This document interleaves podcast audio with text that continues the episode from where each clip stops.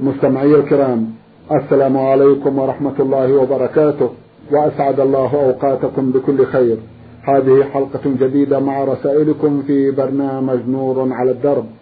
رسائلكم في هذه الحلقة نعرضها على سماحة الشيخ عبد العزيز بن عبد الله بن باز الرئيس العام لإدارات البحوث العلمية والإفتاء والدعوة والإرشاد.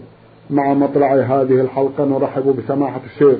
ونشكر له تفضله بإجابة السادة المستمعين. فأهلا وسهلا بالشيخ عبد العزيز. حياكم الله وبارك حياكم الله.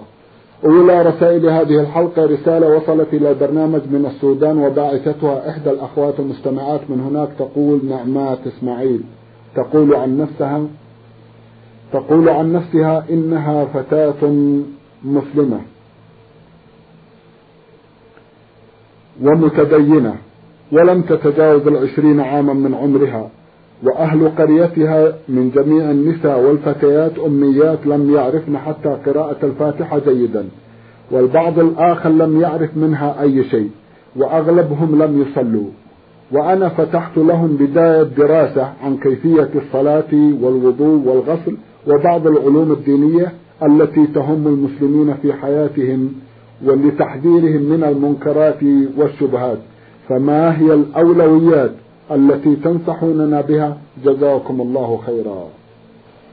بسم الله الرحمن الرحيم. الحمد لله وصلى الله وسلم على رسول الله وعلى آله وأصحابه ومن اهتدى بهداه. أما بعد فلقد فعلت خيرا كثيرا وأحسنت في هذا العمل. فجزاك الله خيرا وزادك من التوفيق وأعانك على هذا الخير. ووصيتي لك أن تستمري في هذا الخير. وأن تحتسب الأجر وأن تسألي أهل العلم عما أشكل عليك وأن تستمعي لهذا البرنامج نور على الدرب في جميع الأوقات حتى تستفيدي ما يعينك على ما يعينك على عملك الطيب. وعليك أن تبدأي أخواتك في الله بتعليمهن فاتحة الكتاب والعقيدة الصحيحة.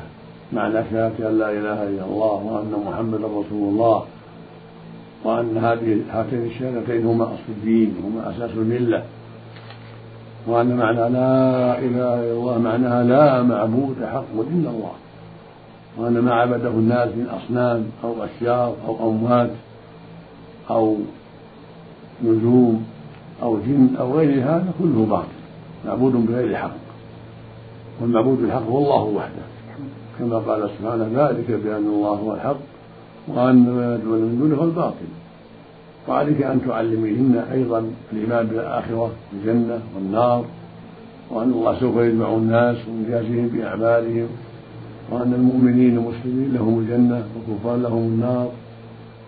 مع التحذير من المعاصي وأن المعاصي من أسباب دخول النار. وإن كان العاصي لا يخلد فيها إذا كان موحدا مسلما لكنها على خطر. كالزنا والعقوق الوالدين أو أحدهما قطيعة الرحم أكل الربا الكذب الغيبة النميمة السرقة شرب المسكر إلى غير هذا من المعاصي. عليك أن تحذري من لديك من البنات والأخوات في الله من ذلك بالأسلوب الحسن والكلام الطيب مع العناية في تعليمهن القرآن الكريم. ولا سيما السور القصيرة حتى يحفظنها ويقرأن بها في الصلاة مع الفاتحة. الفاتحة ركن في الصلاة لا بد منها. فالواجب أن تبدأي بذلك وأن تعلميهن الفاتحة. ولله الحمد لله رب العالمين وأن تصبري على المشقة في ذلك ولك الأجر العظيم. مع تعليمهن العقيدة كما تقدم شهادة لا إله إلا الله وأن محمدا رسول الله وعلى هاتين الشهادتين وأن الواجب على كل مكلف تصديق الرسول صلى الله عليه وسلم محمد وأنه رسول الله حقا وأنه خاتم الأنبياء ليس بعده نبي وأنه رسول جميع الخلق من الجن والإنس وأن الواجب اتباعه وطاعة أوامره وترك نواهيه. مع الإيمان بكل ما أخبر الله به ورسوله من أمر الجنة والنار والصراط والميزان والبعث والنشور ونشر الكتب يوم القيامة. هذا يأخذ كتابة بيمينه وهذا يأخذ كتابة بشماله إلى غير هذا مما جاء في القرآن الكريم والسنة المطهرة وعليك أن تجتهدي في سؤال أهل العلم. وحضور حلقات العلم مع النساء في محل بعيد عن الرجال ليس فيه فتنة حتى تستفيدي. مع سماع هذا البرنامج كما قلت سابقا هذا البرنامج مفيد جدا. فأنا أنصح كل مسلم وكل مسلمة بالاستماع لهذا البرنامج. في أوقاته المعلومة لما فيه من الخير العظيم والفائدة العظيمة. ولأن القائمين عليه كلهم من أهل العلم والبصيرة والثقة والأمانة رزقهم الله جميعا التوفيق والهداية والسداد في القول والعمل. اللهم آمين. جزاكم الله خيرا ونفع بعلمكم. تقول في سؤال آخر حول أخواتها لا تعلمهن. إذا صليت بالجماعة التي ذكرت لكم صلاة جماعة وكنت في وسطهن وأقمت الصلاة بنفسي وبعد الصلاة دعوت بلسان الجميع بصوت يسمع. هل يكون في ذلك حرج؟ أفيدوني جزاكم الله خيرا. الصلاة بهن مناسبة للتعليم وليستفدن من عملك. ولكن لا يشرع لك الإقامة. صلاة بلا أذان ولا إقامة. الأذان يكفي الذي يصدر من الرجال وليس عليكن إقامة ولكن إذا قمت وسطهن كبرت كبيرة الإحرام ثم يكبرن معك وهكذا يتابعنك. والدعاء الجماعي لا أصل له. ولكن إذا سلمت تأتي بالأذكار الشرعية. أول شيء أستغفر الله أستغفر الله أستغفر الله. صوت المرتفع يسمعنا. اللهم أنت السلام ومنك السلام تبارك يا ذا الجلال والإكرام.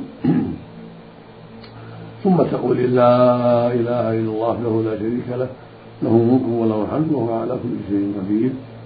لا حول ولا قوة إلا بالله لا إله إلا الله ولا نعبد إلا إياه. له النعمة وله الفضل وله الثناء الحسن. لا إله إلا الله مخلصين له الدين كره الكافرون.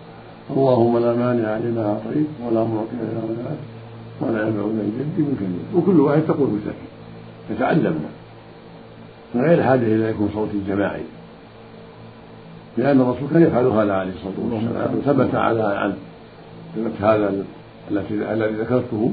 ثبت عنه من حديث المغيرة بن شعبة ومن حديث ابن الزبير ومن حديث أحاديث أخرى. فعليك أن تعلمينهن ذلك بصوتك وهن يسمعن ويتعلمن منك. ثم بعد هذا يشرع للجميع أن يقول أن تقول كل واحدة سبحان الله والحمد لله والله أكبر ثلاث وثلاثين مرة. سبحان الله والحمد لله والله أكبر ثلاثا وثلاثين مرة. تعقدها بالأصابع. ثم تقول لا إله إلا الله له لا شريك له له الملك وله الحمد وهو على كل شيء قدير. لأن الرسول حرض على هذا. وأخبر أن هذا من أسباب المغفرة ويستحب أيضا مع هذا قراءة آية الكرسي. الله لا إله إلا هو الحي القيوم. وقراءة قل هو الله أحد. وقل أعوذ برب الفلق. وقل أعوذ برب الناس بعد كل فريضة هذا هو الأفضل. لكن بعد المغرب وبعد الفجر تكرر. السور الثلاث ثلاث مرات. هذا هو الأفضل. وفقك الله. وأخواتك ونفع بكن جميعا. جزاكم الله خيرا ونفع بعلمكم واستجاب دعوتكم. تسأل سماحة الشيخ وتقول ما معنى بدعة؟ وهل هي حرام أم مكروهة؟ البدعة معناها المحدث في الدين. الذي أحدثه الناس ولم يكن شرعه الرسول صلى الله عليه وسلم للناس. هذا يسمى بدعة. المحدثات في الدين هي البدع. وقد قال فيها المصطفى عليه الصلاة والسلام كل بدعة ضلالة. وكان يقول في خطبة الجمعة أما بعد فإن خير الحديث كتاب الله وخير الهدي هدي محمد صلى الله عليه وسلم وشر الأمور محدثاتها وكل بدعة ضلالة. فالبدعة محرمة وممنوعة لأنها ضلالة. مثل بدعة احتفال بالموالد. في أي يوم كان أو بمولد الرسول صلى الله عليه وسلم في يوم الثاني عشر من ربيع الأول. وإن فعلها كثير من الناس لكنها بدعة. لم يفعلها الرسول صلى الله عليه وسلم ولا أصحابه فالواجب تركها. مثل بدعة حي على غير حي على خير العمل بالأذان. أو أشهد أن علي ولي الله في الأذان بدعة لا يجوز فعله لأن الرسول صلى الله عليه وسلم ما فعلها. ولا أصحابه بل مما أحدثه الناس. والواجب في هذا التأسي بالرسول صلى الله عليه وسلم. وأن يؤذن الناس كما أذن كما أقر على ذلك عليه الصلاة والسلام. وهناك بدع كثيرة أحدثها الناس وضابطها أنها غير موافقة لما فعله الرسول صلى الله عليه وسلم ولما أمر به عليه الصلاة والسلام. بل هي شيء ما شرعه الله ولا رسوله. والله يقول سبحانه أم لهم شركاء؟ شرعوا لهم من الدين ما لم يأذن به الله. ويقول عليه الصلاة والسلام إياكم ومحدثات الأمور فإن كل محدثة بدعة وكل بدعة ضلالة. ومن هذا كون كون الجماعة يذكر الله جماعيا بصوت واحد بعد الصلاة. هذا من البدع أيضا. أو يكبرون في الأعياد بصوت جماعي. الله أكبر كبيرا أو الله أكبر لا بصوت جماعي يتعمدونه أو ما أشبه ذلك مما أحدثه الناس. نعم. جزاكم الله خيرا. تقول إذا صليت في الأرض الطاهرة وظهر على جبهتي وأنفي تراب وأزلته هل صحيح أن التراب الذي يكون على الجبهة والأنف تصلي عليه الملائكة. وإن كان هذا صحيح أكون آثم على إزالة التراب؟ لست بآثمة إذا كان بعد الصلاة. وكون لا تصلي على هذا لا أصل على هذا التراب لا أصل لهذا ولا صحة له. ولكن الأفضل ترك حتى تسلمي فإذا سلمت فلا بأس بإزالته كان النبي صلى الله عليه وسلم يسلم وأثر التراب على وجهه. إذا كان هناك مطر سلم والأثر على وجهه عليه الصلاة والسلام فالأفضل الكف عن العبث وعدم إسقاط هذا التراب من الجبهة والأنف وأنت في الصلاة. فإذا فرغت من الصلاة وسلمت فلا حرج جزاكم الله خيرا. إذا أفطمت المرأة ابنها أو ابنتها ولم يكمل العامين في الرضاعة لعذر حمل هل يكون عليها عقاب؟ حيث أن عندنا بعض أقوال أهلنا في السودان يقولون الولد يفطم على سبعة عشر شهرا فقط والبنت كذلك. وأيضا يقول المرأة إذا أصبحت عامل حاملا على ابنها الذي لم يكمل رضاعته يقول لا بد أن تفدي بماعز لأنه لم يكمل الرضاعة فما رأيكم في هذا؟ لا حرج في فطام قبل تمام السنتين اقتضت مصلحة ذلك بعد التشاور مع أبيه إن كان أبيه كان أبوه موجودا لقوله سبحانه فإن أراد فصالا يعني فطاما عن تراض منهم عن تراض منهما وتشاور فلا جناح عليهما. فلا بد يكون عن تراض من الأبوين وتشاور فإذا فطماه لأنها حامل قد يضره لبن الحمل أو لأن لبنها قليل أو لأنه يضرها الرضاع أو لأسباب أخرى فلا بأس بذلك إذا تراضيا على ذلك. أما بدون رضاهما فلا لا تستقل به المرأة ولا الأب لا بد من تراضيهما جميعا إذا كان الأب موجودا. أما الفدية بماعز أو غير ماعز فلا أصل لها هذا بدعة لا أصل لها. فإذا تراضيا على فطره فلا بأس ولو من سبعة عشر شهر أو من سنة أو أقل من ذلك إذا تراضيا على فطام أو عاش بشيء آخر فلا بأس. جزاكم الله خيرا. تنكح الفتاة وعندما يذهب بها أو عندما يذهب بها أخواتها إلى بيت زوجها يقول تستلمها منا ونأخذ منك مقدار من المال. تقريبا 200 جنيه. فهل يكون في هذا حرج؟ لا أصل لهذا. ولا يجوز. إلا إذا سمح وتطوع لهن بشيء لا بأس. وإلا فعليهن تسليم المرأة إلى زوجها من دون أن يأخذوا منه مالا. إلا إذا سمح وأعطاهن تضرعا منه هدية منه فلا بأس. أما أن يلزمه بذلك فلا فلا يلزمه ذلك. نعم. جزاكم الله خيرا. من جمهورية مصر العربية أحد الإخوة المستمعين رمز إلى اسمه بالحروف جيم سين ميم يقول في أحد الأيام حدثت بيني وبين زوج أختي مشادة كلامية أثارت أعصابي وجعلتني في غضب شديد وخرج مني لفظ علي الطلاق لن أدخل هذه المدينة التي يعيش فيها طالما أنت موجود فيها لكن بعد ثلاثة أيام ذهبت إلى زوج أختي وتصافحنا عملا بحديث رسول الله صلى الله عليه وسلم الذي فيما معناه إنه لا يجوز للمسلم أن يهجر أخاه فوق ثلاث ليال. أيضا حدثت مشادة كلامية بيني وبين أحد زملائي بالعمل الذي أعمل فيه ويعتبر مصدر رزق لي ولأولادي. ولكن انتهت هذه المشادة أيضا بأنني حلفت بالطلاق لن أدخل هذا المكان طالما أن طالما أنت فيه. أرجو توجيهي حول هذه الأيمان. جزاكم الله خيرا. إذا كان المقصود منع نفسك من هذا الشيء في الحالتين المذكورتين وليس المقصود فراق أهلك إنما المقصود أن تمتنع من كلام الشخص أو من دخول المحل فعليك كفارة اليمين ولا يقع الطلاق. وهكذا لو قال الإنسان عليه الطلاق ما أكلم فلان أو عليه الطلاق ما أسافر إلى كذا وقصده الامتناع ليس قصده إيقاع الطلاق إنما قصده أن يمتنع من هذا الشيء. فهذا عليه كفارة اليمين وهكذا أنت. إذا كان المقصود الامتناع من الكلام مع فلان أو الدخول مكان فلان وليس المقصود إيقاع الطلاق.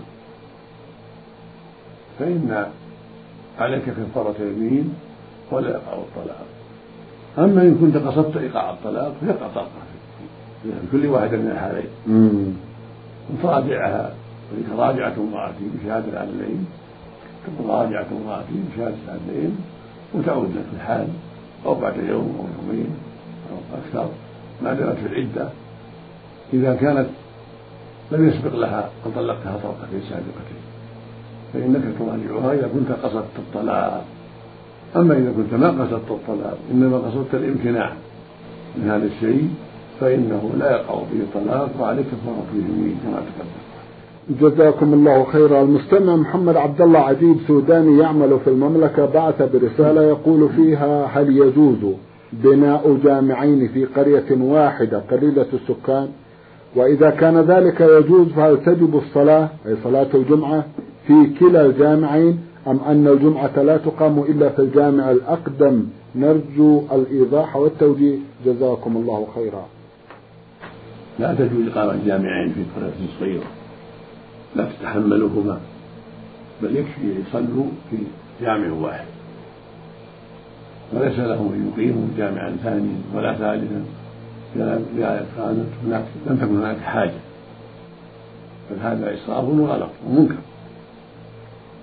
أما إذا كان هناك حاجة من أجل أن الجامع الأول لا يكفي لصغاره وأقاموا جامعا آخر أو لأن البلد فيها قبيلتان أو جماعتان حصل بينهما وحشة وتهاجر وقطيعة ويخشى لو اجتمع في مسجد أن تقع بينهما كارثة فلا حرج للعذر الشرعي.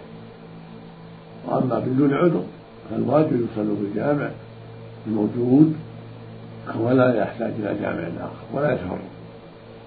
ولو قدر حاجته إلى التوسعة والسعود أمكن فالحاصل أن بدون حاجة لا يجوز جامع ثاني فإذا دعت الحاجة إلى جامع ثاني للريق الأول وعدم تيسر توسيعه أو في توسيعه وكلفة فإنه يصل بجامع ثاني ولا حرج والحمد لله جزاكم الله خيرا. المستمعة زاي كاف من اليمن الجنوبي بعثت برسالة تقول فيها عندنا قول أو رأي تناقلته النساء وهو أن البنت البكر التي تفطر في رمضان التي تفطر في رمضان بسبب الدورة الشهرية ليس عليها قضاء. بعكس المرأة المتزوجة فإن عليها قضاء. ومع أننا لا ندري هل هذا الرأي صحيح أم خاطئ إلا أننا نأخذه مأخذ القبول. والسؤال هل هذا الرأي صحيح أم أنه خطأ؟ وإذا كان خطأ ماذا تفعل المرأة التي مر عليها أكثر من رمضان ولم تقض ما عليها من صيام بحجة أنه ليس عليها قضاء؟ نرجو التوجيه تجاه هذا الأمر. الذي لا يعد حالة فردية بل يعد حالة كثير من النساء اللائي سمعن هذا الرأي ولكم الأجر والثواب. هذا غلط عظيم أعوذ بالله. الواجب على المرأة أن تقضي الصيام ولو كانت بكرا ولم تزوج فإنها متى حاضت؟ أو بلغت خمسة عشر سنة؟ أو أنبتت الشعر الحسن الخشن حول الفرج الشعرة أو احتلمت وأنزلت المني باحتلام أو تفكير أو نحو ذلك فإنها لها حكم النساء وعليها أن تصلي الفريضة فالخلاصة أن عليها أن تقضي الصلوات التي تركتها أن تقضي الصيام الذي تركته بعدما جاءها الحيض. ولو كان الحيض نزل بها وهي بنت. عشر سنين أو إحدى عشر سنة أو اثنتا عشر سنة فإنها تبلغ بذلك. أن تكون مكلفة بذلك. فعليها القضاء وإن كانت ذكرى لم تزل هذا هو الواجب عليها عند جميع المسلمين. فالواجب الحذر من هذا الأمر والتواصي بإعلام النساء ذلك حتى تصوم الفتاة ما ترك في الأيام الماضية في سنة أو سنتين أو أكثر. عليها أن تصوم ما أفطرت في الأيام الماضية بعدما حاضت أو بعدما بلغت خمسة عشر سنة أو بعدما أنزلت المني بالاحتلام أو غيره في الشهوة أو بعد إنباتها الشعر الخشن حول الفرج. فإن المرأة تبلغ بأحد أربعة أمور. نعم. تبلغ بالحيض وتبلغ بإكمال خمسة عشر سنة وتبلغ بإنبات الشعر الخشن حول الفرج وهو وتبلغ أيضا بالإنزال عنها سواء احتلام أو غير احتلام والرجل كذلك إلا إلا الحيض أن خاص بالنساء. نعم جزاكم الله خيرا. المستمع دال عين نون من سوريا بعث يقول سمعت من أحد طلاب كلية الشريعة بأن الرسول صلى الله عليه وسلم خطب الجمعة في اثني عشر رجلا. هل هذا صحيح أم لا؟ أفيدونا أفادكم الله. نعم كان يخطب فجاءت عير من الشام فبدل الناس إليها. فلم يبق إلا اثنا عشر رجل. وهذا دليل على أنه يصح أن يخطب الإمام وليس معه إلا اثنا عشر. ويصح أيضا أن يصلي ولو كان جماعة اثنا عشر أو أقل. والصواب أن الجماعة تنعقد بثلاثة فأكثر. إذا كانوا مقيمين مستوطنين في البلد أحرارا بالغين فإنها تقام بهم الجمعة أما بشرط من شرط اثنى عشر أو أربعين أو غير هذا فلا دليل عليه. والصواب أن أنها تقام بثلاثة فأكثر من المكلفين. من الأحرار المقيمين المستوطنين في البلد. والحديث المذكور من الدلائل على أن الجمعة تقام باثني عشر ولا حرج في ذلك. نعم. جزاكم الله خيرا. المستمع فا ميم ألف مصري يعمل في المملكة بعث برسالة يقول فيها حلفت بالطلاق مرتين. المرة الأولى أنه كان بيني وبين أخي خصام. بل بيني وبين أختي خصام فحلفت بالطلاق ألا أزورها في منزلها. وفي يوم من الأيام أحضرت إحدى قريباتي طفلا عمره شهر وقالت لي هذا ابن أختك وعليك أن توصله لها وعلمت أن المقصود بهذا الصلح فذهبت إليها في منزلها. والمرة الثانية حلفت بالطلاق ألا آتي معصية وبعد مدة أتيت هذه المعصية. فهل يقع الطلاق أم أن علي كفارة؟ وإذا كان علي كفارة فما هي أرجو الإيضاح؟ جزاكم الله خيرا. إذا كنت قصدت الامتناع من زيارة أختك ومن المعصية ولم تقصد إيقاع الطلاق فإن عليك كفارة كما تقدم في جواب السؤال السابق. طيب. عليك كفارة يمين إذا كان المقصود الامتناع من زيارة أختك وكان المقصود أيضا ترك المعصية. لقول النبي صلى الله عليه وسلم إنما الأعمال بالنيات وإنما لكل امرئ ما نوى. أما إن كنت أردت إيقاع الطلاق على أهله زرت أختك أو أتيت المعصية أردت إيقاع الطلاق فإنه يقع طلقة. إذا كنت أوقعت طلقة علقت طلقة واحدة فإنه يقع طلقة واحدة يقع طلقة واحدة في الحديث الأعمال بالنية جزاكم الله خيرا. نعم.